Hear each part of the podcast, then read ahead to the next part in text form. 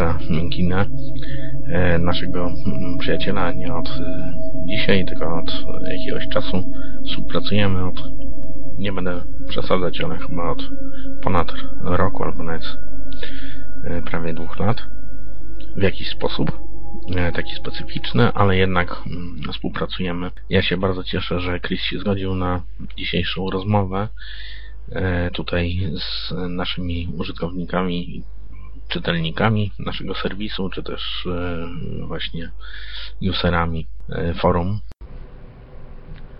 Witam wszystkich, tu Chris McKinna, a mieszkam w New Jersey, nie w Nowym Jorku. To różnica polega na tym, to tak jakby powiedzieć, że ktoś w Krakowie jest kibicem Legii Warszawa, mniej więcej. A, dziękuję bardzo za zaproszenie. Nie wiem, jak się z tego zaproszenia wywiążę. Nie mam zbyt wiele e, wprawy w jakichś publicznych wystąpieniach. Nie udzielam prelekcji. Nie zaproszono mnie do tańca z gwiazdami, ale zaproszono mnie na czat infry, z czego jestem bardzo, bardzo dumny. I no i postaram się, postaram się powiedzieć coś ciekawego na temat właśnie tych kryształowych czaszek, bo po to się tu właściwie spotkaliśmy. A kryształowe czaszki, no, temat jest bardzo, bardzo szeroki, bardzo, bardzo interesujący i właściwie nikt naprawdę do końca nie wie, nie ma pojęcia, co jest, o co chodzi w ogóle z tymi czaszkami, czym one są, skąd one się wzięły, jakie jest ich znaczenie, e, czy posiadają moc magiczną, czy były używane przez, w starożytności przez kapłanów, na przykład Majów, czy były używane w innych kulturach. Pojawiły się można powiedzieć, znikąd i natychmiast utknęły w mocno ludzkiej wyobraźni. Sama kwestia czaszki, kształtu czaszki, wyglądu czaszki, e, wizerunku czaszki jest czymś niezwykle e, takim trwałym i ciągle używanym w ludzkiej kulturze. Nawet Hamlet wychodził, spacerował sobie po scenie z czaszką. E, widzimy czaszki na wielu różnych Chris, proszę, kontynuuj. No ja, ja już od razu po amatorsku zapomniałem się, że czas ucieka, że 90 sekund to jest mgnienie oka. No i mówiłem do ściany trochę, produkowałem się, ale może to i dobrze, bo akurat bardzo mocno się jąkałem i nie miałem nic ciekawego do powiedzenia. Ale już wracam. Właśnie zacząłem mówić do ściany o krysztale. Kryształ jest niezwykle twardy. Jest tylko nieco bardziej miękki niż e, diament, więc właściwie można używać jedynie diamentu, żeby e, móc taką czaszkę wyrzeźbić, żeby wydobyć ją e, z wielkiej, niekształtnej bryły kryształu. Więc e, sam ten proces jest absolutnie fascynujący. Kryształowe czaszki pojawiły się mniej więcej w XIX wieku, no i oczywiście szybko stały się symbolem mrocznej tajemnicy, E, która miała sięgać gdzieś w głąb historii. Oczywiście natychmiast skojarzono je z Majami, z krwawymi majańskimi obrzędami. E, podobno miały, miały przyjść, pojawić się właśnie w Ameryce Środkowej. Miały być znajdowane w różnych legendarnych miastach Majów, co nie jest takie do końca pewne. I to już sam, sam ten jeden fakt wzbudzał wielką fascynację i zainteresowanie e, takim przedmiotem, jakim jest kryształowa czaszka. Ale to nie jest jedyny powód, dla którego y, te czaszki stały się tak sławne. Niektórzy uważają, że kryształowe czaszki posiadają absolutnie nadprzyrodzoną moc. Oczywiście nie ma na to najmniejszych dowodów, by móc z całą pewnością to powiedzieć. I mogę powiedzieć jedynie na własnym przykładzie. Przez właściwie przypadek y, udało mi się mieć kontakt y, nie tylko z czaszkami, ale z ludźmi, którzy opiekują się nimi i zaczęło się to nie, nie, tak dawno, bo w 2010 roku, kiedy taki wielki zjazd y, kryształowych czaszek miał miejsce w Nowym Jorku, nie w New Jersey, więc z New Jersey wybrałem się do Nowego Jorku. No i tam y, znalazłem się nagle w otoczeniu całej masy czaszek. Były tam setki czaszek, najrozmaitszych, z różnych materiałów, nie tylko z kryształu, ale na przykład z ametystu, z innych półszlachetnych y, kamieni. Czaszek było, e, były ogromne ilości i właściwie byłem tym faktem ogromnie zaskoczony, bo prawdopodobnie jak większość z Was myślałem o tym, że są to rzeczy niezwykle rzadkie, unikalne, że trudno je spotkać, że mają jakąś tam może moc albo coś w tym rodzaju, a tu nagle okazało się, że są ich tony, stosy wręcz. zacząłem przechadzać się po dość dużej sali, jaką wynajęto na to spotkanie i nieoczekiwanie zdałem sobie sprawę, że jednak coś w tym jest, że czaszki oddziaływują na, na człowieka, bo ja sam nagle poczułem wielkie zamieszanie w głowie, wielką niepewność, wielki chaos. Natychmiast musiałem wyjść. Okazało się, że Halo, nie słychać e, pana. Za bardzo pan chyba się wczuł. Zapomniał o tym, że nie ma pana na mikrofonie. Tak, już się, już się wczuwam z powrotem, będę bardziej obserwował mikrofon, nie będę, będę się mniej wczuwał troszeczkę. Może ten chaos, jaki, w jaki wprowadziły mnie te czaszki, a, lekko mną wstrząsnął, bo próbuję przypomnieć sobie tę chwilę i oddać ją jak najbardziej wiernie. A, więc wracając do tego chaosu, no z tego chaosu jak zwykle coś się wyłania. W moim przypadku to był powrót do sali z czaszkami, zacząłem je uważnie obserwować, zacząłem obserwować ludzi, którzy poruszają się obok nich i którzy wyraźnie. wy- Wszystko wskazywało na to, że chyba byłem jedną osobą, która widziała takie czaszki po raz pierwszy w życiu na oczy. Y, Masa ludzi poruszała się wo- wo- wokół nich o wiele bardziej swobodnie niż ja. No i okazało się, że można je wziąć w ręce, można je dotknąć, można porozmawiać z opiekunem takiej czaszki. No więc zacząłem próbować dotykać te czaszki. To, był następna, to była następna rzecz, która mnie zaskoczyła. Okazało się, że czaszki w jakiś sposób reagują. Reagują na dotyk, na, na, na pocieranie, na zbliżenie się, że e, w pewnym momencie można poczuć, że jakaś e, delikatna, ciepła energia przechodzi z tego przecież zimnego kamienia wprost, wprost do ręki. Zacząłem zastanawiać się nad tym, jak to się dzieje, jaka może być tego przyczyna. No i już teraz obserwuję, nie wczuwam się, obserwuję mikrofon, bo zaraz mnie wyłączy, więc ja się za chwilę włączę z powrotem. Momencik, muszę sobie jakoś te czasy ustawić. Zacząłem się więc zastanawiać nad tym, jak taka czaszka oddziaływuje, co w niej jest, w jaki sposób działa ta energia. Zmieniałem miejsca, punkty, w których te, te, te czaszki się znajdowały i w pewnym momencie podszedłem do czaszki, która strasznie groźnie nawet wyglądała, ale miała bardzo sympatycznie na imię. Miała na imię Pancho i jej właścicielem był Mario Bohorqueze, więc zbliżyłem się do Pancha, no i Pancho e, grzebnął mnie ostro w rękę, dosłownie, także czułem ten ból później przez chyba dwa albo trzy miesiące i zupełnie nie wiedziałem, jak to skojarzyć. W każdym razie już nie zbliżałem się więcej do tego Pancha, pozna- zapoznawałem się z innymi bardziej sympatycznymi czaszkami i e, okazało się, że można bez cienia wątpliwości powiedzieć, że jakaś energia istnieje. Trudno ją opisać, trudno ją nazwać. Prawdopodobnie niemożliwe jest, aby ją zmierzyć, bo to jest tak, jakby chcieli zmierzyć miłość czy nienawiść. Uczuć się nie da zmierzyć, żaden naukowiec nie wymyślił tak czułego przyrządu, aby zmierzyć takie uczucia. Ja myślę, że czaszki działają na podobnym poziomie, że jeszcze wymykają się urządzeniom, które są w stanie coś takiego wyłapać, wskazać, wska- pokazać ile tego było, wyliczyć dokładnie, zapisać. Myślę, że jeśli ktoś mi to podpowiada, że to energia sugestii, no myślę, że to nie była, nie była jednak mimo wszystko sugestia, bo później, i tu zaraz mnie znów wyłączy, więc za chwilę wrócę. Później znów miałem y, wiele spotkań z rozmaitymi czaszkami, kiedy już mogłem do tego podejść zupełnie spokojnie, zupełnie empirycznie, zacząć nawet troszkę eksperymentować w ich zachowaniu, z ich obecnością. I okazało się, że ta energia mm, cały czas w jakiś sposób oddziaływuje. Nie chcę przez to powiedzieć, że jestem jakimś e, medium czy czymś takim, bo lepiej oddziaływuje na te czaszki niż inni, ale wydaje mi się, że udało mi się nawiązać bardzo żywy, bardzo intensywny i bardzo sympatyczny kontakt. Y, Do, skończyło się to tym, że sam jestem właścicielem dwóch takich czaszek. Nie są to zbyt wielkie kryształy, ale tak jak y, są, są y, uaktywnione, myślę, że myślę, że dużo zmieniły w moim życiu na troszeczkę lepsze, tak mi się wydaje. I bardzo je lubię. Mam też dwie kryształowe kule, które były używane y, do tego, aby je wstawiać w oczodoły czaszek. Dlatego, że niektóre czaszki, niektóre czaszki wyrzeźbione są w ten sposób, że można dodatkowe kryształy albo kamienie wstawiać w oczodoły i wówczas efekt, kiedy się je podświetli, jest absolutnie niesamowity. Jest e, przepiękny przede wszystkim, a przy okazji jest to, chodzi głównie o to, żeby móc w jakiś sposób uruchomić nasz kontakt z czaszką. Światło uruchamia taki kontakt, dźwięk uruchamia, więc te oczy też pomagają w tym wszystkim.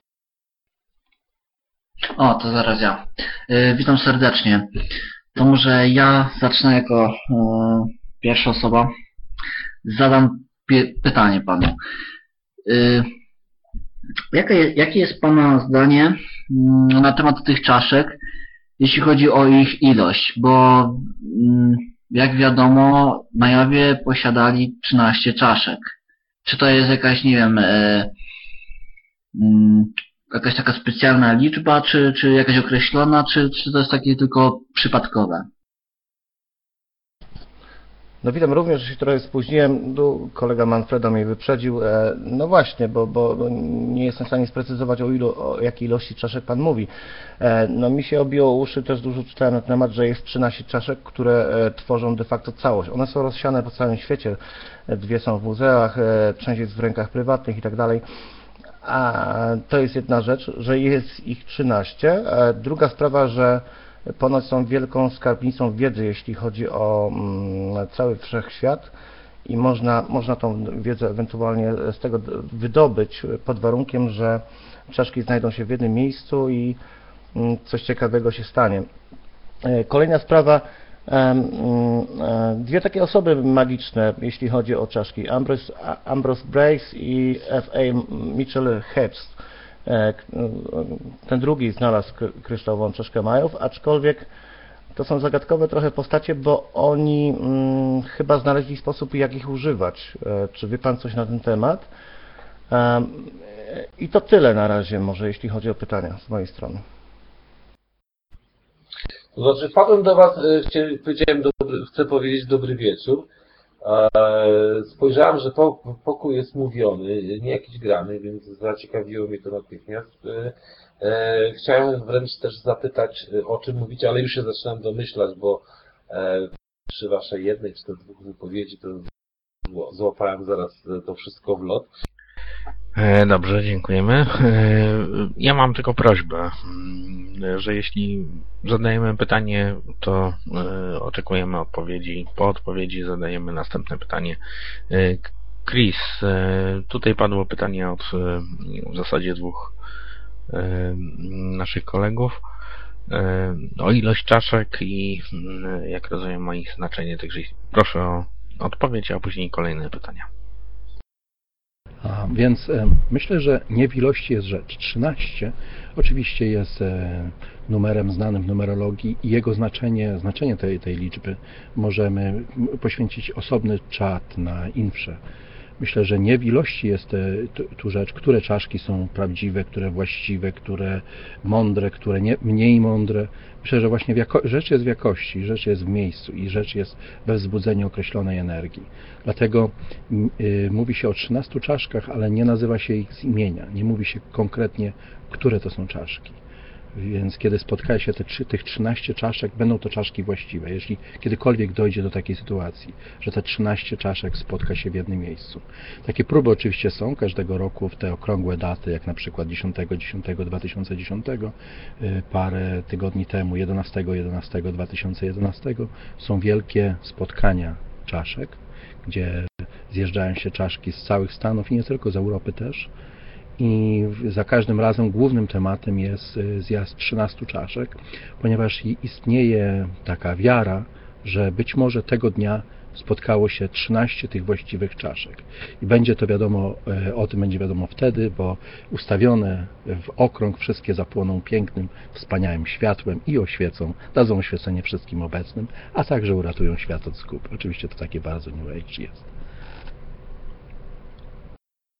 Tak, tylko że jest taka teoria, jeśli chodzi o te 13 czaszek, że 12 symbolizuje inne planety, które są wspólnotą, a 13 właśnie jest skarbnicą wiedzy, jeśli chodzi o nasz gatunek, naszą planetę. Stąd właśnie to pytanie, dlaczego krąży taka e, teoria, że te 13 czaszek jest najważniejszych, a, a reszta są e, jak gdyby pomijane. To jest, to jest jedno. I jeszcze raz bym prosił o odpowiedź na pytanie a propos tych dwóch panów, Ambrose Brace i Mitchell Hedges. Co się de facto z nimi stało? Bo z tego co wiem, to w ostatnim liście, który napisał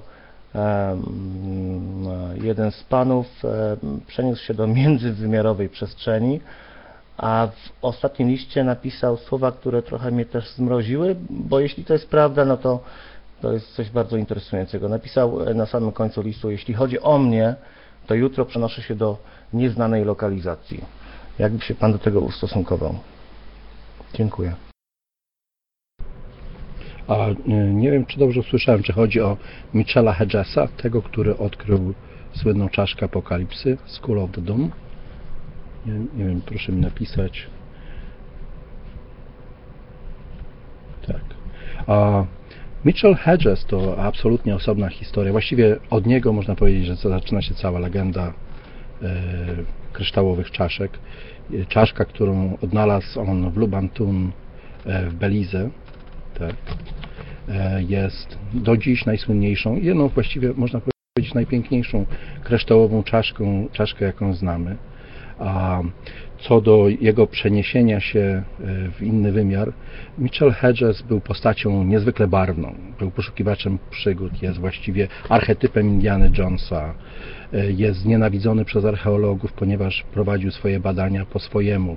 Na przykład w Lobantun, kiedy odkrył starożytne ruiny, żeby rozpocząć e, prace wykopaliskowe w tym miejscu, e, zamiast cierpliwie wycinać drzewa, opisywać e, kolejne miejsca, w których chciał dokonać tych wykopalisk, po prostu wszystko spalił.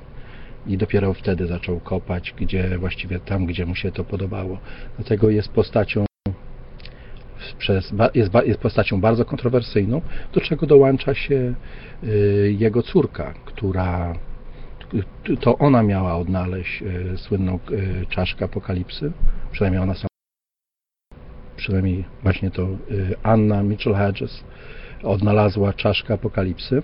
Tak przynajmniej utrzymywała przez wiele, wiele lat. Później okazało się, że być może wcale nie jest to prawda ale czaszka, czaszka apokalipsy tw- stworzyła wokół siebie absolutnie zwykłą e, atmosferę, e, absolutnie olbrzymie, gigantyczne zamieszanie, które trwa do dziś i nawet e, gdy podlega ona badaniom, jest jakby czymś takim, jest, jest czymś, co tworzy kolejne legendy, bo naukowcy, którzy ją badają, mam tu na myśli Jane Welsh ze Smithsonian Institute, Jane Welsh, która uważa się za jednego z najwybitniejszych ekspertów w dziedzinie czaszek, y, uznała, że czaszka ta została wyrzeźbiona w XIX wieku gdzieś w Niemczech i właściwie na to nie ma żadnych dowodów.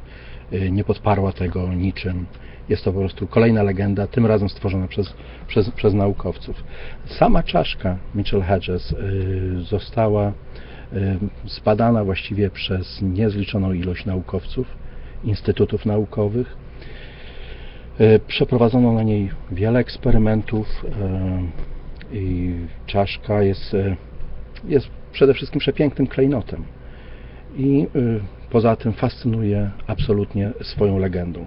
Ma jakieś 13 cm wysokości, jest szeroka na 18 cm i ma 13 cm szerokości, przez co swoimi gabarytami przypomina czaszkę ludzką i wskazuje, że ktoś, kto ją rzeźbił, ktoś, kto ją wykonywał, doskonale znał ludzką anatomię. Od, e, czaszka została stworzona z dość dużą precyzją i wielką dbałością o szczegóły. E, Jeśli chodzi o miejsce, gdzie rzekomo ją znaleziono, Lubantan, e, jest to mm, miejsce, które w tłumaczeniu, nazwa ta w tłumaczeniu oznacza miejsce spadających skał. I jest to starożytne miasto Majów, które jest dzisiejszym Belize, i mniej więcej życie kwitło tam jakieś e, 1800 lat temu, po czym e, z nieznanych nam dziś dokładnie przyczyn Majowie nagle wyprowadzili się z tego miasta i zniknęli. To znaczy nie to, że wyparowali, czy odlecieli na wielkim statku kosmicznym na ten lepszy, na ten lepszy świat, ale po prostu y, przeprowadzili się do dżungli, zostawiając miasto nietknięte i dżungla powoli je zarosła. I właśnie na początku y, XX wieku y, Mitchell Hedges, Frederick Mitchell Hedges, to był Anglik, poszukiwać przygód, y, odnalazł to miasto i rozpoczął jedne z pierwszych prac wykopaliskowych w tym miejscu. Y, Znajdowano mniej więcej zna- znaleziono tam całą masę artefaktów, ponad chyba 2000 sztuk najrozmaitszych. Nie wiem, gdzie mnie ucięło, więc e, e, Mitchell Hedges e, najcenniejszą rzecz, jaką znalazł w, Lubantan, według niego, Lubanton, według niego było właśnie kryształ, oczywiście kryształowa czaszka, ale nie, nigdy nie podał szczegółów, w jaki sposób została ona odnaleziona. W swojej autobiografii, napisał autobiografię w 1954 roku pod tytułem Danger is my ally, co znaczy e, niebezpieczeństwo jest moim e, przyjacielem. Właśnie wspomina o tej czaszce, ale napisał tam również, że nigdy nie wyjawi okoliczności, w jakiej, w jakiej ją znalazł. Y, W autobiografii uznał też, że, że, że czaszka jest co najmniej ma, ma co najmniej 3600 lat i była używana przez e, e, e, majańskich kapłanów do rozmaitych krwawych obrzędów. No taka historia oczywiście natychmiast stała się niezwykle popularna. W tym, na ten mniej więcej czas przypada odkrycie całej kultury Majów, piramidy Chichen Itza i kolejnych budowli. I, no i oczywiście kryształowa czaszka była nie, taką perłą w koronie, która wzbudzała gigantyczną wyobraźnię. A, według Michela Hedgesa wykonanie tej czaszki y, zajęło co najmniej 150 lat. Y, Teoretycznie była polerowana przez, y, była polerowana piaskiem i kilka pokoleń rzeźbiarzy, zaraz mnie wyłączy, kilka pokoleń, pokoleń rzeźbiarzy musiało pracować nad, nad nią, aby ją wykonać. W latach y, 60. rozpoczęła się nawet właściwie taka dyskusja nad tą, nad, tą, nad tą czaszką, w jaki sposób ona została tak naprawdę odnaleziona. Mniej więcej na te lata przypada czas, kiedy y, y, jego y, córka Frederica Mitchella Hedgesa, Ann Mitchell Hedges, została jego spadkobierczynią, przejęła czaszkę. Zresztą i y, opowiadała później, że sama ją odnalazła, że własnoręcznie wydobyła ją z, z, wydobyła ją gdzieś z, jakiej, z jakiegoś zrujnowanego miejsca w, tym, y, w Lubantan. I w latach 70. doprowadziło to do tego, że w latach 70. zaczęły interesować się nią rozmaite instytuty naukowe i zaczęto przeprowadzać najrozmaitsze badania. Między innymi laboratorium Hewlett-Packard wykonało szereg najrozmaitszych pomiarów tej czaszki i wówczas y, oświadczono, po raz pierwszy Instytut Naukowy wydał oświadczenie, w którym można było przeczytać, że czaszka y, nie mogła zostać wykonana żadnym urządzeniem, że nie mogła zostać wykonana maszyną. Została wykonana ręcznie. Y, Powodem było to, że użycie maszyny mogłoby spowodować pęknięcie kryształów i zniszczenie czaszki. To, czego naukowcy nie są w stanie, nie byli w stanie określić, oczywiście nie byli w stanie określić wieku czaszki, no bo jest to kamień, jest to skała, nie ma żadne- żadnego materiału organicznego, więc wiadomo, skała mogła powstać setki milionów lat temu. I kiedy ci eksperci uznali, że tej czaszki nie uda się skopiować, wówczas podjęto szereg prób, aby jednak obalić to twierdzenie i spróbować, czy może się to w jakiś sposób uda. Yy, Ta yy, popularność czaszek w tym czasie sprawiła, że yy, rzeźbiarze, szczególnie na początkowo z Brazylii, zaczęli robić kopie kryształowych czaszek, a później cały ten biznes przejęli Chińczycy, którzy dziś praktycznie rzecz biorąc produkują je masowo. W Chinach w tej chwili w jednym tylko zakładzie w Pekinie produkuje się jakieś 7-8 tysięcy czaszek, kryształowych czaszek rocznie. Mniej więcej daje liczbę 20-30 czaszek dziennie, więc jest to w tej chwili produkcja masowa. A National Geographic między innymi chciał, chcąc sprawdzić, czy da się wykonać kopię czaszki Mitchell Hedges, zamówił ją właśnie w Chinach. Chińczycy podjęli się wykonania zadania i dokonali wszelkich potrzebnych pomiarów i wykonanie kopii czaszki Mitchell Hedges, oczywiście wykonywania, Chińczycy są mistrzami wykonywania wszelkich kopii, oczywiście podjęli się e, wykonania takiej kopii czaszki i, i zbudowanie, stworzenie tej kopii zajęło im zaledwie 8 dni. Następne 3 dni poświęcili na polerowanie czaszki i praktycznie wykonali kopię, która na pierwszy rzut oka absolutnie nie, którą, nie można odróżnić od czaszki Mitchell Hedges. Tym samym okazało się, że zbudowanie repliki czaszki apokalipsy jest jak najbardziej możliwe i że wcale nie wymyka, nie wymyka się prawom fizyki i taki zdolny Chińczyk jest w stanie nie takie rzeczy wykonać. Dlatego wykonano tą czaszkę i to był jeden, to jest przedstawiane jako jeden z głównych dowodów przeciwko jakiejkolwiek wartości yy, czaszek. W sensie oczywiście ezoterycznym. Następne badania, jakie przeprowadzono na tych czaszkach, były, to były badania antropologiczne. Yy, Na przykład uznano, że czaszki, kryształowa czaszka Mitchell Hedges nie może być czaszką Majów. Nie może być z tego powodu, że antropologicznie nie w żaden sposób nie odpowiada y, budowie Majów, temu jak Majowie wyglądali, że nie przedstawia kogoś z cywilizacji z Mezoameryki. Na przykład Majowie mieli, y, zwłaszcza w kaście królewskiej, mieli spłaszczone czoła. Ja przepraszam, że się wcinam, tylko e, e, z tego co wiem, to niektóre czaszki miały ślady obróbki, jeśli chodzi o narzędzia w obrębie żuchwy i oczodołów, to jest raz. Dwa, że ten sławny Mitchell He- Hedges, e, on odwiedził starożytne miasto, e, które się nazywa Pakime e, w, północnym Meksyku, który notabene kilka, znajduje się kilka kilometrów od e, chyba największego złoża kryształów na świecie, e, sławnej jaskini w północnym, w, północnym Meksyku, ale też w obszarze dziwnego zjawiska zwanego jako Kimate, czyli um, międzywymiarowy portal. Jakby się Pan do tego odniósł, być może on tam właśnie znalazł tą czaszkę, być może odkrył coś, czego e, de facto jeszcze nie wiemy, być może odkrył, że w czaszce są zakodowane informacje, które mm, zostaną wydobędę, wy- wydobęte i ten, i nie wiem, dowiemy się czegoś z tego, z tego wszystkiego, a nie, że mm, jest masę oszustów, masę, masę jakichś tam dziwnych czaszek, które zostały zrobione przez ludzi. Tak jak Pan mówi, Chińczycy podrabiają i tak dalej. No Chińczycy akurat nie, nie podrobili jednej rzeczy, no samych siebie, no bo boją się, że się rozmnożą. Więc może tak. Ale no Mitchell był e, kimś wyjątkowym i faktycznie ślad po nim zaginął, ewidentnie. Jakby się Pan do tego odniósł? E, A teraz ja mam troszeczkę inne pytanie. E, Mówimy o starożytnych Majach i mówimy o czaszce. Okej. E, Majowie pochodzili z e, południowo-wschodnich, z południowo-wschodniego części Meksyku, półwysep Yucatan. Zamieszkiwali Gwatemalę, dzisiejsze oczywiście, Belize i, chyba Honduras, co już nie jestem pewien. I teraz taka moja dygresja co, co do tych czaszek.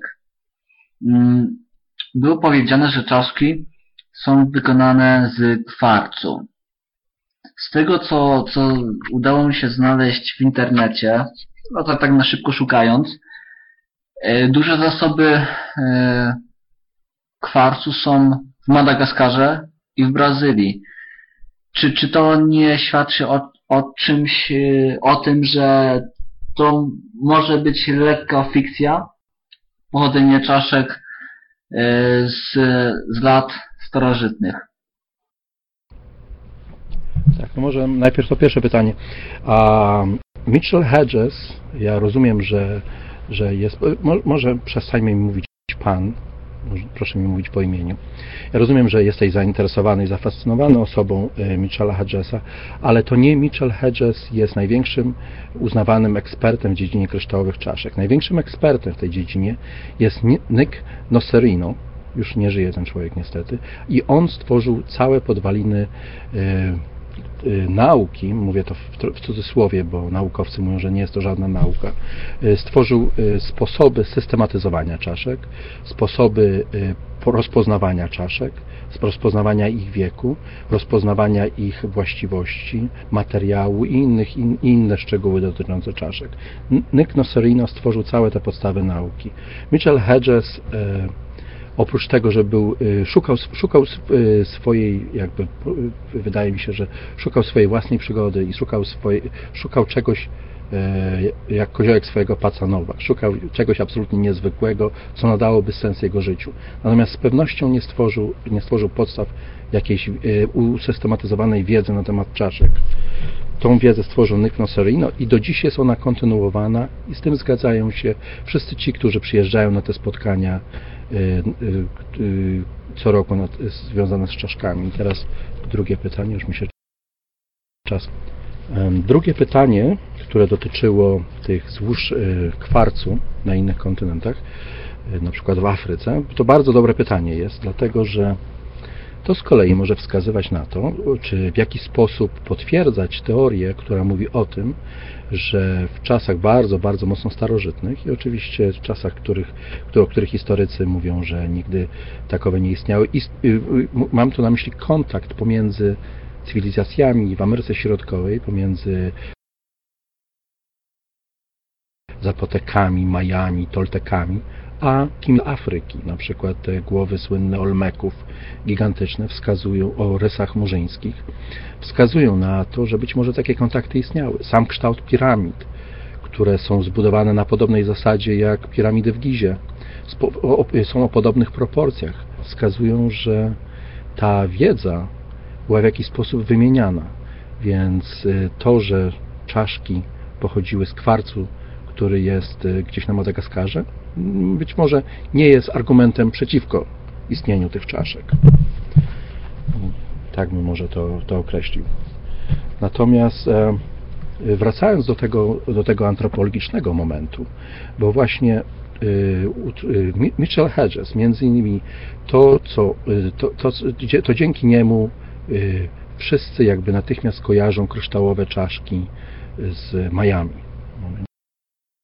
Co jest niekoniecznie prawdą, dlatego że y, odbywa się obecnie cała masa wykopalisk archeologicznych w- najrozmaitszych punktach y, tej całej cywilizacji majańskiej, jaka istniała w przeszłości i ci uniwersyteccy archeolodzy nigdy nie natrafili na nic podobnego, ani na, nawet na coś y, zbliżonego do kryształowej czaszki. Kryształowa czaszka jest y, przedmiotem niezwykle pracochłonnym. Jest, jest, można powiedzieć, że jest to generalnie klejnot, ponieważ jest to robota jubilerska. I mimo, że znaleziono y, kilka artefaktów, które zostały wykonane z kryształu wśród y, tych majańskich ruin, nigdy nie znaleziono nic, co by swoją y, dokładnością, precyzją, efektownością dorównało temu, w jaki sposób wyrzeźbiono te kryształowe czaszki. Także kwestia twarzy, jaką przedstawiała czaszka, na przykład Michelle Hedges. Twarz ta nie jest, czasz, nie jest, nie jest, ta czaszka nie jest czaszką Majów. Tak jak wspomniałem wcześniej, Majowie, zwłaszcza kasta królewska, mieli płaskie czoła, mieli troszkę inne rysy twarzy, mieli troszkę inne ustawienie kości i z pewnością ktoś, kto rzeźbił tą czaszkę i, i był znawcą anatomii, nie opierał się na czaszce, która była czaszką kogoś z Mezoameryki. Była to czaszka kogoś innego. Cześć, ja mam takie dwa pytania. Y, Czy próbowano twarze zrekonstruować jakieś na podstawie tych czaszek? A drugie pytanie to do czego w ogóle one służyły, te czaszki? No doskonałe pytanie. Oczywiście, że próbowano odtworzyć taką twarz i odtworzono y, y, i znów, znów mo- można to dać na przykładzie czaszki Mitchell Hedges, czyli czaszki apokalipsy. Od twarz odtworzono, twarz, która, która była częścią, której, którą to, ta, ta czaszka przedstawia, tw- odtworzono y, w San Francisco i otworzono w Wydziale Forenzycznym y, Policji w San Francisco gdzie kobieta, ona się nazywa Cynthia Wil- Wilczak, znajomo się nazywa, która przeprowadziła badania antropologiczne i na tej podstawie określiła mniej więcej jak będzie, jakby wyglądała osoba, która która, no, która miała tę czaszkę, która, której, do której ta czaszka należała. I wówczas artysta, prawdopodobnie z Hollywood, dokonał właśnie różnych y, zabiegów, żeby zbudować twarz, jaką przedstawiała ta czaszka. Okazało się, że jest to twarz kobiety. Kobieta na pierwszy rzut oka od razu było wiadomo, że jest to, że jest to y, czaszka europejska, że kobieta jest Europejką. I dlatego później w Smithsonian powstała ta szalona teoria, że Na pewno niemieccy rzemieślnicy byli twórcami tych czaszek i budowali je w tajemnicy w Bawarii i po to, żeby nimi handlować i tak dalej, i tak dalej. Także czaszka przedstawia kobietę. Czaszka, czaszka przedstawia kobietę o, o bardzo europejskich, niemieckich rysach twarzy i znów naukowcy uznają to jako dowód, że nie może, w związku z tym nie może to mieć nic wspólnego z kulturą Mezoameryki. Choć z drugiej strony mamy już przecież historię z faraonem y, Tutenchamonem, którego zbadano, którego kod genetyczny wykazał, że prawdopodobnie miał w, w, w żyłach krew kogoś z Europy, kogoś z Anglii. Był, I był rudowłosym białym człowiekiem. I tych rudowłosych białych ludzi spotkamy w różnych miejscach świata, w rozmaitych kulturach. I Oczywiście nauka te, tego, tego, tego nie uznaje, dlatego właśnie ta europejska twarz jest u, u, przez naukowców uważana jako dowód na to, że, że nie, ta czaszka nie, mo, nie może mieć nic wspólnego z południową Ameryką. Tak by to mniej więcej wyglądało. No, teraz zobaczmy, o czym można jeszcze. Są może jeszcze jakieś pytania na ten temat? No to może w takim razie będę kontynuował, bo inne badania z kolei e, przeprowadzono w Anglii.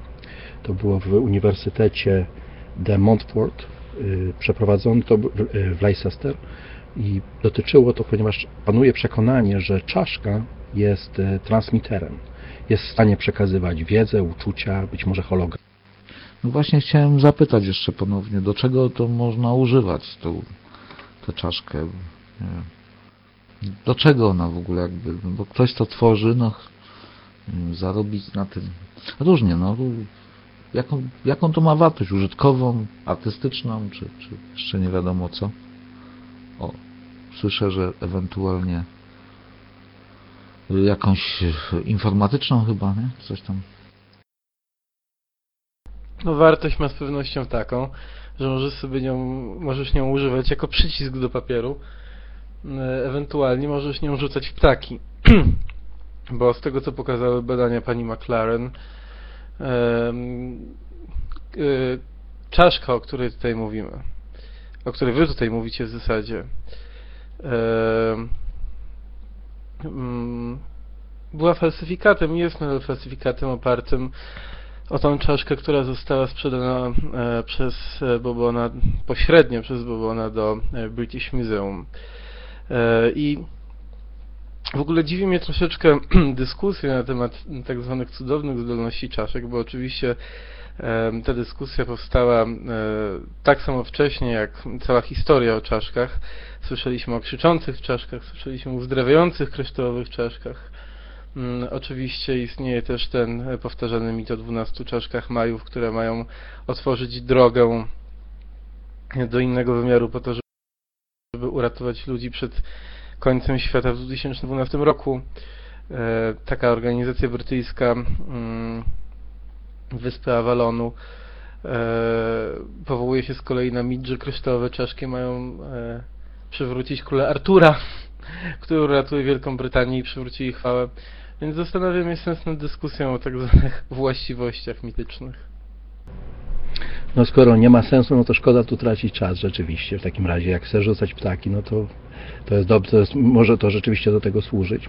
Ale to jest na tej samej zasadzie, że ci sami naukowcy, których, których tak, tak bardzo mocno yy, wierzysz, też nie są w stanie powiedzieć na przykład, ile Twoja radość jest dzisiaj warta. Czy są w stanie zmierzyć i powiedzieć, ile ta Twoja radość, ten Twój śmiech, jakie zadowolenie w skali, na, na podstawie czego. Też nie, nie potrafią tego określić, nie potrafią tego zmierzyć, nie potrafią tego ustawić w jakichkolwiek naukowych ramach. W związku z tym jest to, jest to nic nie warty rodzaj, ro, rodzaj wiedzy i oni też powiedzą, że coś takiego jak radość i zadowolenie nie istnieją. I tak samo nie istnieje magiczna żadna rola czaszek, ani y, nie, nie, nie, ma, nie mają one, do niczego one praktycznie nie służą i można sobie nimi przyciskać papier.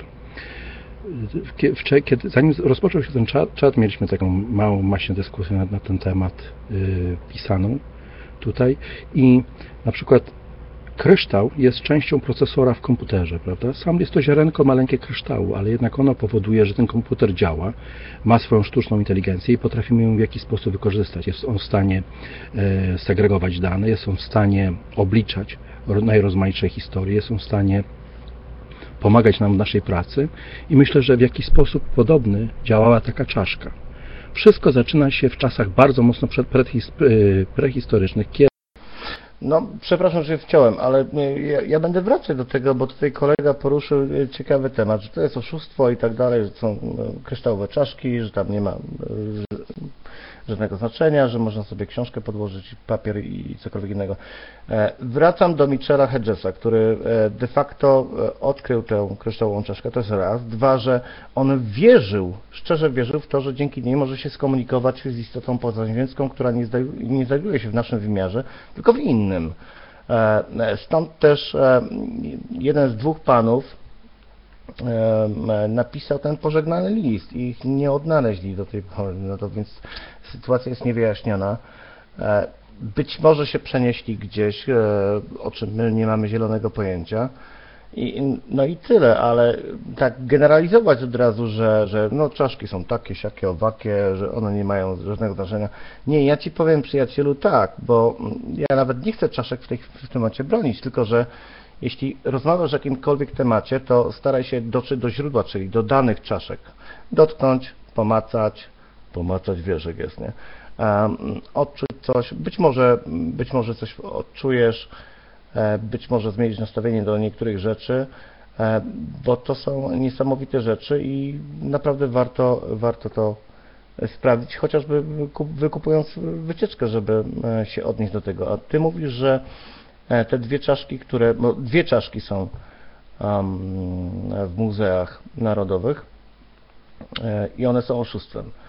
E, Nie wydaje mi się, nie wydaje mi się, że, że, że one są oszustwem. E, Chciałbym zobaczyć jakiekolwiek dowody, ewentualnie mm, e, dokumenty, które stwierdzają, że to jest faktycznie fałszerstwo. A ja witam e, kolegę Orsona. Bardzo serdecznie i miło, że jesteś e, z nami ponownie. Tylko mam taką prośbę, znaczy ja rozumiem, że masz wiele e, konkretnych wątpliwości i pytań. E, Tylko mm, proszę o to, aby, że tak powiem, nie dominować dyskusji, tylko pozwolić też i odpowiadać na zadane przez Ciebie pytania naszemu e, gościowi, czyli Chrisowi. No to tylko tyle. Pozdrawiam. Witam Ciebie, Rysiu. Dobrze. Postaram się nie dominować, postaram się nie zdominować. E, I e, postaram się odzywać gdzieś z tła raz na jakiś czas. A odnosząc się do tego tylko, co powiedział szanowny gość, ja w sumie chciałbym się zapytać, bo nie do końca wiem, jaki szanowny gość ma podejście do owych czaszek. Mm, Podejrzewam, że pewnie jest ono dosyć ezoteryczne. Natomiast e, jeżeli chodzi o e, moje podejście do nich, mm, tak, jedną z nich widziałem. E, Ba, nawet znam jedną z osób, które zajmują się sekcją odpowiedzialnych za tę czaszkę. Poznałem tę osobę zupełnie przypadkiem i dlatego też w sumie tutaj się pojawiłem, jak przeczytałem, że dyskusja będzie na ten temat. E, W każdym razie e, większość osób zapomina, że e, boom na czaszki powstał w drugiej połowie XX wieku. Tak naprawdę. Sami to, co tutaj mówicie, to znaczy wykupić, wykupić wycieczkę, kupić bilet na spotkanie, kupić czaszkę, to wszystko oczywiście kręci się wokół pewnego biznesu, jak to zazwyczaj ma to miejsce w ezoteryce. E, Wystarczy spojrzeć na badania pani McLaren, na badania pana e, Ostrofińskiego. E, W Polsce pan chyba Wierciński zajmował się też tą tematyką, aby stwierdzić, że No nie wiem, tu komuś urwało, urwałem czas, bo ja się tu cały czas zgłaszam. Ale może przy tej okazji właśnie, od ra- bo nie- ponieważ mam tutaj kolegę naukowca, który mówi, że jestem ezoterykiem wielkim. Nie jestem ezoterykiem, jestem przede wszystkim otwarty na różne pomysły i różne idee. Wystartow- y, mój początek był bardzo sceptyczny. jeśli chodzi o kwestię czaszek. I myślałem tak jak większość, że jest to raczej kawałek kamienia i ludzie przypisują, zbyt wrażliwi, przypisują mu zbyt duże znaczenie. A ponieważ uważałem się za człowieka rozsądnego, nie dawałem temu wiary. Kiedy miałem okazję to sprawdzić y, samemu, na własnej skórze, przekonać się o tym, jak jest, natychmiast skorzystałem z tej okazji. I dlatego mogę z całą pewnością powiedzieć, że nie jest tak do końca, że jest to przycisk do papieru, że coś w tym wszystkim jest i że myślę, że w większości przypadków zależy to od nas samych, od sposobu, w jaki wchodzimy w interakcję z czaszką. Przecież sama czaszka, sam kryształ ma pole elektromagnetyczne, jest y, pryzmatem, który rozszczepia światło, więc w jaki sposób siłą rzeczy wchodzi w interakcję ze sposobem naszego myślenia, ze sposobem naszego patrzenia na świat. Poza tym y, przez w historii mamy do czynienia w całej tej historii wiele, przez wiele tysięcy lat mamy do czynienia y, z sytuacją, kiedy na przykład istnieją te kryształowe kule, w których wypatrywano przyszłości. Nie jest to przypadek. Może bardziej wymiernie byśmy o tym porozmawiali.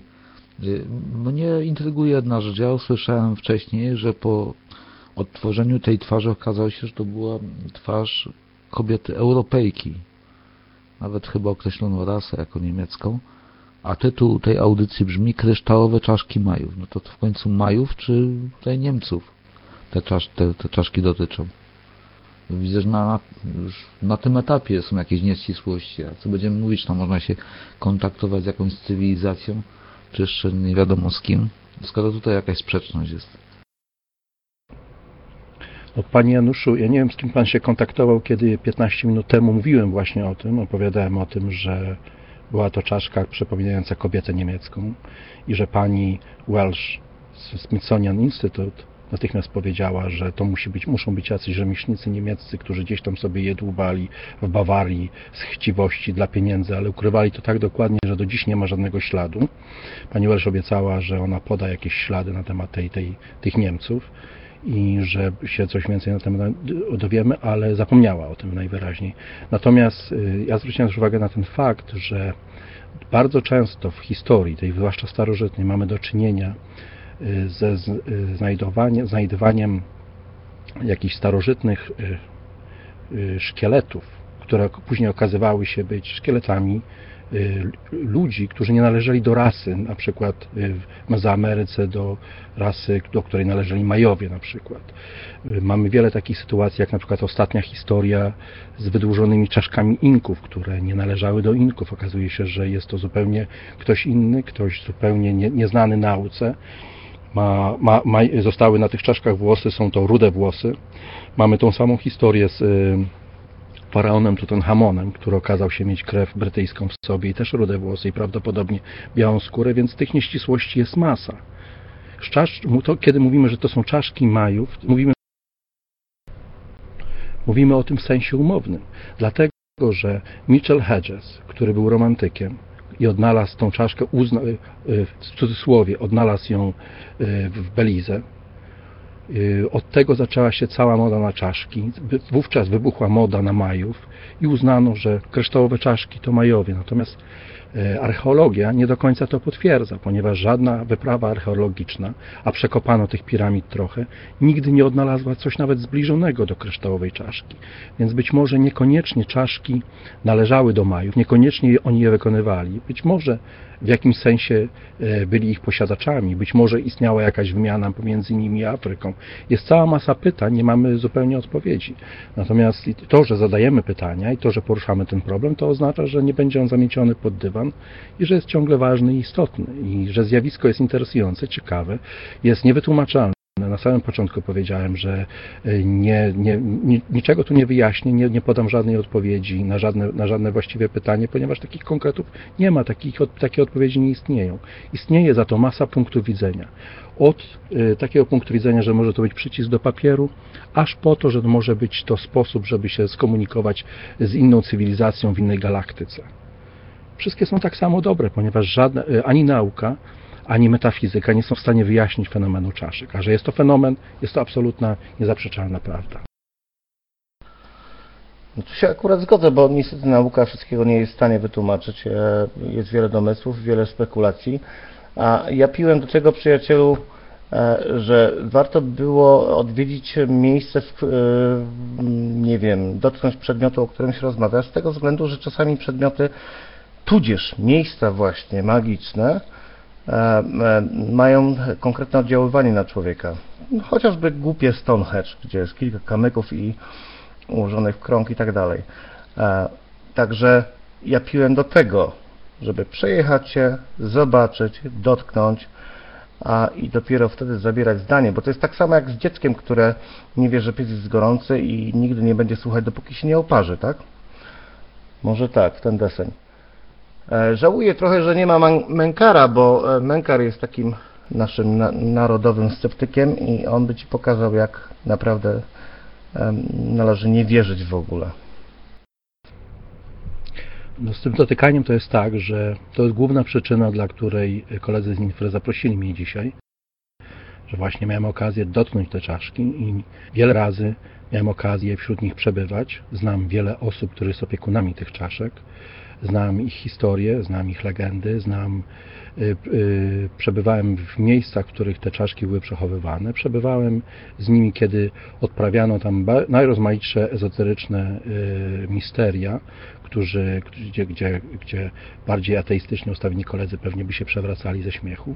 I dlatego na tej podstawie buduję mniej więcej swoje wnioski. Dlatego z całą pewnością mogę stwierdzić, że czaszka, kryształowa czaszka nie jest tylko martwym kamyczkiem, nic niewartym przedmiotem, przyciskiem papieru, że istnieje coś, istnieje sposób, w jaki ona przekazuje jakąś, jakąś energię, której ja nie potrafię ocenić, nie potrafię opisać w wystarczający sposób, żeby móc kogoś przekonać do tego lub nie. Zresztą na tym nie polega moja rola. Ale korzystając z okazji, właśnie tu opowiem taką historię. Zacząłem od tego, że na pierwszym spotkaniu ta bardzo starożytna czaszka, którą nazwano pospolicie Pancho, która zosta- została zna, na- znaleziona w Meksyku wiele, wiele lat temu przez e, hiszpańską e, rodzinę, która tam mieszkała i została, zosta, została ona zostawiona w spadku e, człowiekowi, który się nazywa Mario Bojorqueze, który pomyślał sobie, że zrobi na niej dobry internet. Internet. Przepraszam, prze, może przeszkodziłem wypowiedzi. Znaczy, tak mi się skojarzyło coś innego, przepraszam, że wchodzę w zdanie, ale na przykład gdybym miał coś takiego wykonać, no to, bo to jest z SIO2 chyba, z tego co wiem, tak? To jest krzemionka, tylko że w postaci krystalicznej, tak? Bo są różne odmiany alotropowe, hmm, chyba SIO2, z tego co wiem ze szkoły.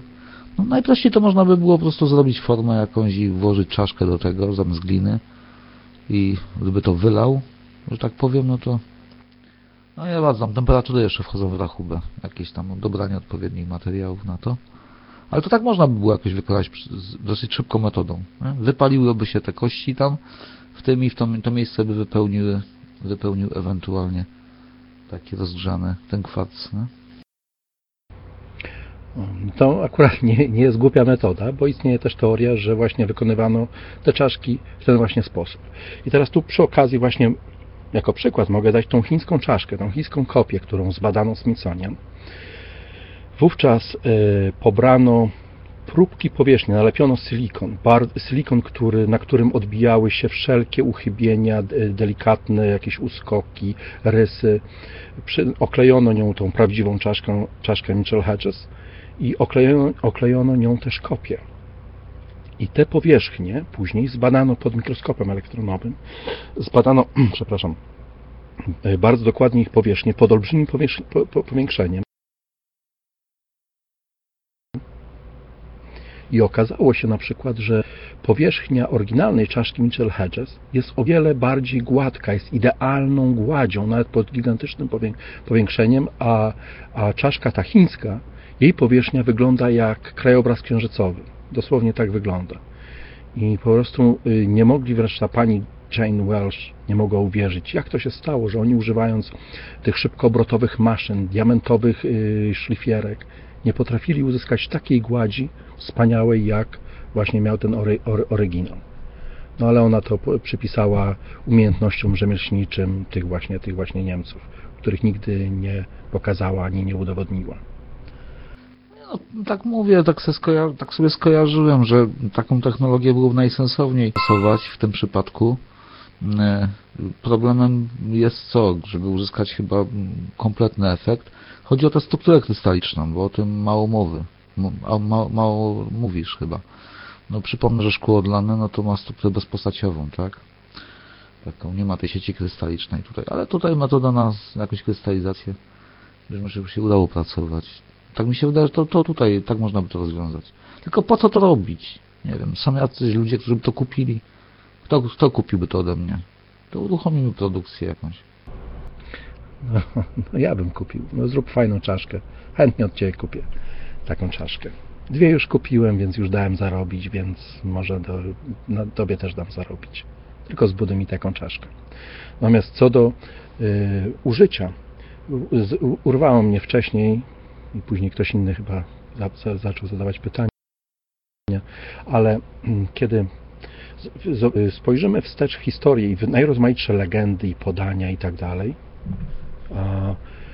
jest y, taka historia, jest, jest, jest na przykład mowa o kryształowych kulach, których widać przyszłość były używane przez druidów, y, przez jakieś różne inne, w różnych, różnych innych magicznych historiach i miejscach. I teraz jest kwestia, czy uważamy, że ta magia to były tylko takie banialuki i to były tylko takie, to były takie hi, hi ha, ha. Przez kilka tysięcy lat ludzie się tym zajmowali, tymi śmiesznymi rzeczami bezsensownymi, aż przyszli mądrzy naukowcy, którzy od 300 lat mówią nam, jak świat wygląda i wszystko wiedzą najlepiej łącznie z globalnym ociepleniem i, i, i czy, czy, czy to rzeczywiście mogło mieć znaczenie. Możemy powiedzieć, że jednak y, ja przynajmniej uważam, że to miało znaczenie, że to było istotne, że to miało sens i być może czaszka, kryształowa czaszka miała to samo zadanie, spełniała to samo zadanie, co kryształowa kula z, z tych właśnie podań legend z przeszłości, z czasów przed y, językiem pisanym.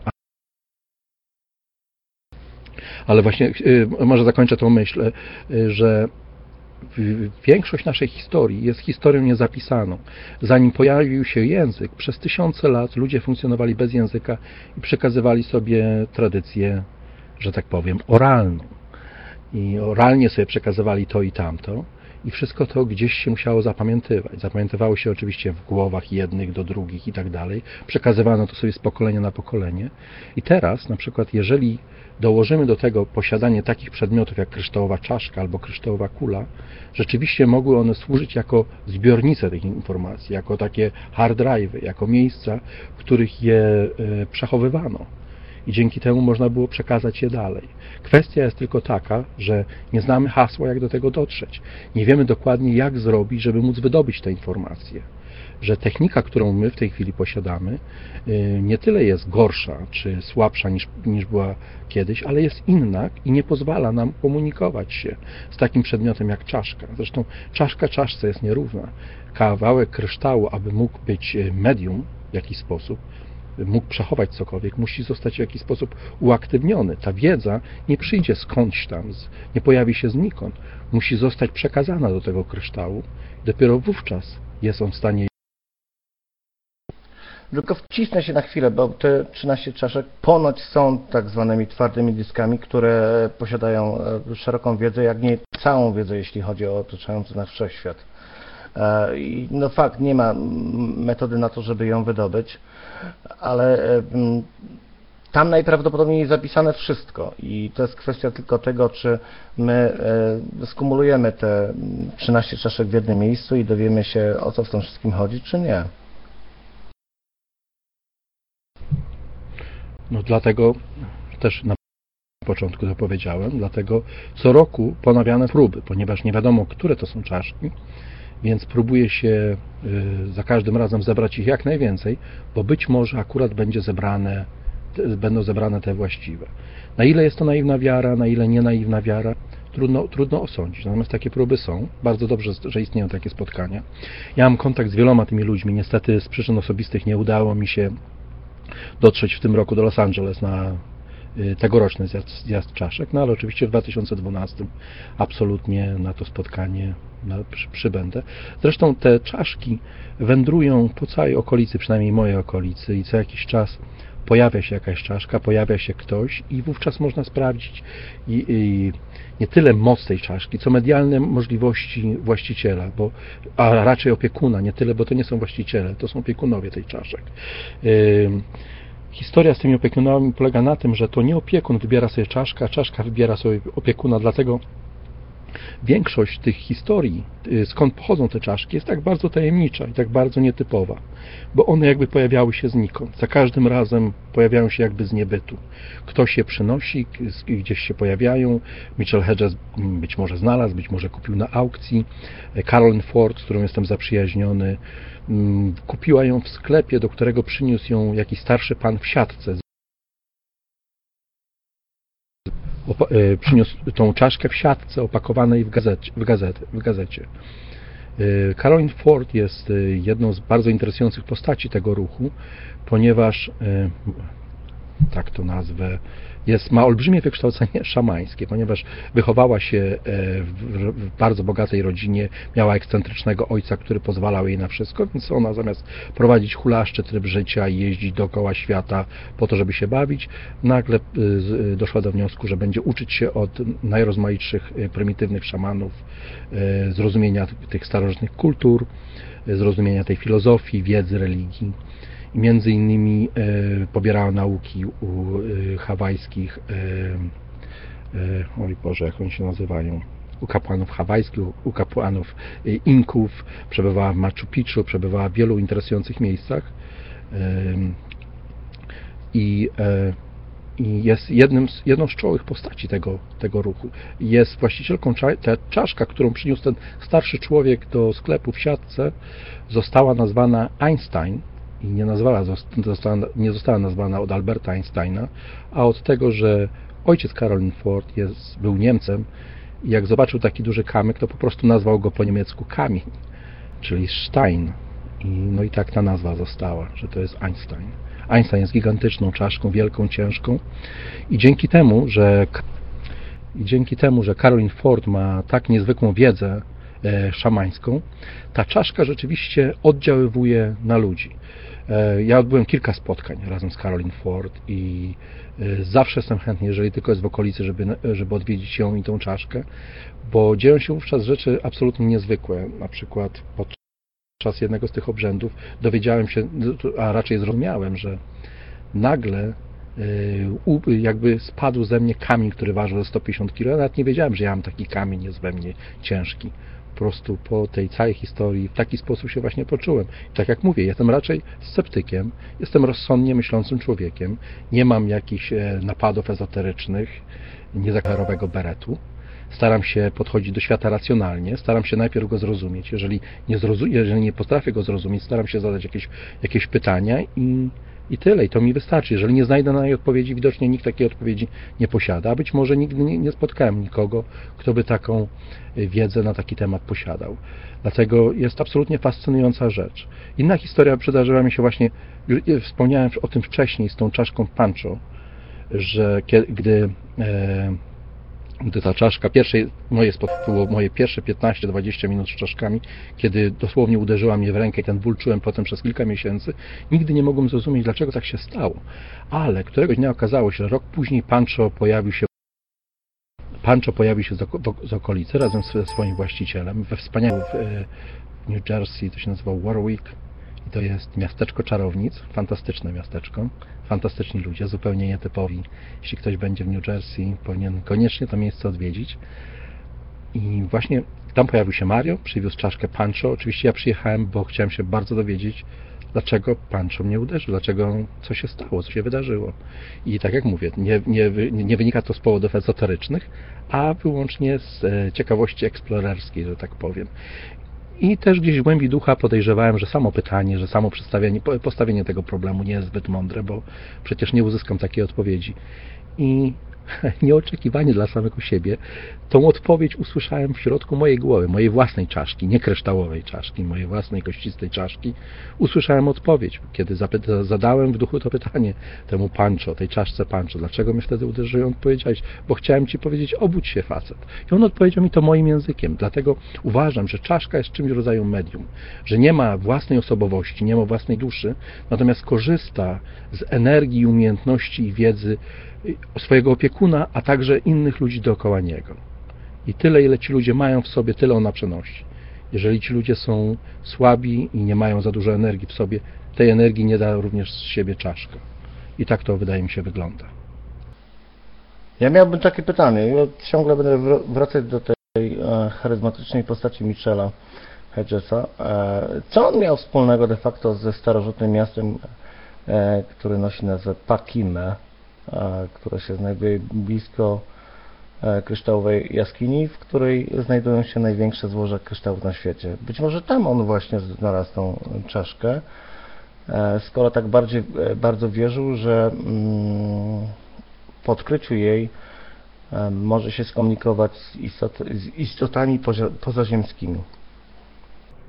Co do Michela Hedgesa, już kilka razy właśnie mówiłem, że mimo, bardzo się cieszę, że przekładasz do jego postaci tak, tak duże znaczenie, ale y, nie, nie on stworzył wiedzę na temat czaszek. On sprawił, że czaszki stały się popularne. Na dodatek wszedł w posiadanie do dziś najpiękniejszej czaszki, jaka istnieje, najpiękniejszej kryształowej czaszki, jaka istnieje. I gdzie ją znalazł, tego nie wiemy. Zresztą on sam w swoim pamiętniku pisał, że nigdy tego nie wyjawi, gdzie odnalazł swoją cz- czaszkę i jakie były okoliczności odnalezienia tej czaszki. Powiedział, że to było w Lubantun. Wszystko wskazuje na to, że w Lubantun tego nie znalazł. W Lubantun przeprowadzono szereg y, innych badań archeologicznych później. To, co znaleziono, znaleziono tam tylko drobne, potłuczone skorupy ceramiczne. Nie znaleziono nic interesującego, nic szczególnie ciekawego, ani nic szczególnie tak efektownego jak kryształowa czaszka Mitchell Hedges, cza- czaszka apokalipsy. Znaleziono kilka figurek, które przedstawiały życie codzienne Majów i to było właściwie wszystko. Natomiast sam fakt odnalezienia takiej czaszki w tamtych czasach, nawet w, w 1926 roku, to podobnie taka czaszka byłaby na pierwszych stronach gazet, gdyby ją rzeczywiście wykopano w tym miejscu i rzeczywiście ją pokazano. No bo Mitchell Hedges pokazał ją dopiero po jakimś czasie, po bardzo długim czasie. Stąd ta teoria, że mówiłem właśnie, że Mitchell Hedges raczej znalazł ją na Autoterii w Nowym Jorku. Do dziś istnieje pamflet tej aukcji z 1936 roku, na której jest e, na liście kryształowa czaszka o pięknej, pię, pięknej rzemieślniczej roboty, o wymiarach przypominających ludzkie. I być może tą na, szczęśliwym nabywcą tej czaszki był Mitchell Hedges. Poczekał jeszcze jakiś czas i ogłosił, że jest to czaszka Majów. Natomiast nie ogłosił tego tuż po odkryciu, nigdy nie, wy, nie, nie wyjawił skąd ją ma. Y, Anna Mitchell Hedges opowiedziała o tym, jak sama ją znalazła, ale wszystko wskazuje na to, że mijała się z prawdą. Mm, Może nie kłamała, bo ja myślę, że ona uwierzyła w pewnym momencie w to, co mówiła na temat historii tej czaszki. Była bardzo szczęśliwa z tą czaszką. Zmarła niedawno, w 2007 roku bodajże, w wieku prawie 100 lat. Także miała bardzo szczęśliwe życie z tą, z tą czaszką, która myślę w jakiś sposób opiekowała się też nią. I to jest właśnie rola, dla- dlatego zachęcam, jeżeli chciałbyś poznać y, całą systematykę i wiedzę na temat czaszek ich znaczenia. Są, y, poprzednio była to osoba, ta, y, poprzednią, poprzednim ekspertem, największym ekspertem w dziedzinie czaszek był Nick Nocerino. Do dziś Michelle Nocerino, jego córka, jest opiekunką czaszki Shanara, przepięknej czaszki, która została znaleziona w Meksyku, którą odnalazł Nick Nocerino. Odnalazł ją w taki sposób, że ym, użył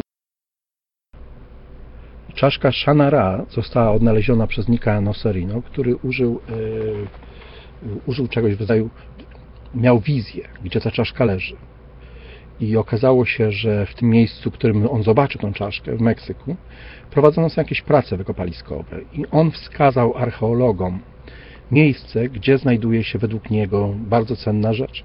Archeolodzy zaczęli tam kopać i wykopali czaszkę, którą nazwał Shanara. Tak mu ta cza- czaszka się przedstawiła. Jest to jedyna czaszka, która została opisana w, jako, y, która ma coś, co się chyba nazywa proweniencja, czyli historię, y, w jaki sposób pojawiła się ona w obiegu, w jaki sposób ona funkcjonuje nie tyle w muzeum, w jaki sposób, skąd się ona wzięła, po prostu stąd to powiem. To jest tak jakby certyfikat urodzenia. I to jest to bardzo ważny certyfikat, ponieważ jest to jedna, jedyna czaszka, która pokazuje, że została wydobyta w jakimś starożytnym mieście Majów. Wszystkie inne zostały wydobyte w niejasnych okolicznościach, dlatego bardzo łatwo jest powiedzieć, że zostały kupione na aukcji albo znalezione w jakichś innych okolicznościach. Ale ja myślę, że nie jest to centralny punkt, skąd się wzięły te czaszki. Myślę, że centralnym punktem i znaczeniem tych czaszek jest w jaki sposób działają i w jaki sposób my możemy na tym skorzystać. Wydaje mi się, że my możemy jako ludzie na tym skorzystać, ale to też zależy od nas i od czaszek. No okej, tylko że on, e, e, pan Mitchell znalazł e, tę czaszkę blisko starożytnego miasta Pakime. Ja ciągle będę powtarzać. Obok tego jest kryształowa jaskinia, która jest największym złożem, jeśli chodzi o kryształy na, na całym naszym świecie. Notabene, żeby było śmieszniej, w tym północnym Meks- Meksyku znajduje się dziwne miejsce, do których dochodzi dzi- dziwne zjawisko e, zwane e, Kimei, e, czyli jest uważane za międzywymiarowy portal. Czy to te dwie sprawy przypadkiem aby nie łączy? No, z pewnością łączny, chociażby z tego powodu, że no, tam właśnie się rozwijały te wszystkie cywilizacje, począwszy od Zapoteków, skończywszy na Aztekach. Nie są miejsca, w których rozwijały się wszystkie starożytne cywilizacje, czy to egipska, czy to mezoamerykańska, czy inkaska, czy Mezo- Me- Mezopotamia. One nie są przypadkowe, nie zostało zbudowane, bo się komuś tam spodobało, tylko było tam coś unikalnego i coś niezwykle cennego, z czego do końca my sobie dzisiaj możemy nie zdawać sprawy, co spowodowało, że właśnie tam się one tworzyły. I z tego właśnie powodu yy, ta, cała, ta cała yy, cywilizacja zbudowała się właśnie wokół tego, być może Stargate, być może nie. Nie wiemy dokładnie, co to jest, nie wiemy, jakie to ma znaczenie. Być może ma znaczenie, być może ma olbrzymie znaczenie, ale nie zdajemy sobie z tego, z tego do końca sprawy. Nie wiemy, nie mamy żadnych konkretów, więc możemy jedynie przypuszczać i możemy jedynie gdybać. I tak, tak to z, mojej, z mojego punktu widzenia wygląda. Nie jest to jedyne miejsce, ale nie jest to też przypadkowe miejsce. Właśnie dlatego cywilizacja od Zapoteków aż po Azteków rozwijała się właśnie tam, a nie gdzie indziej.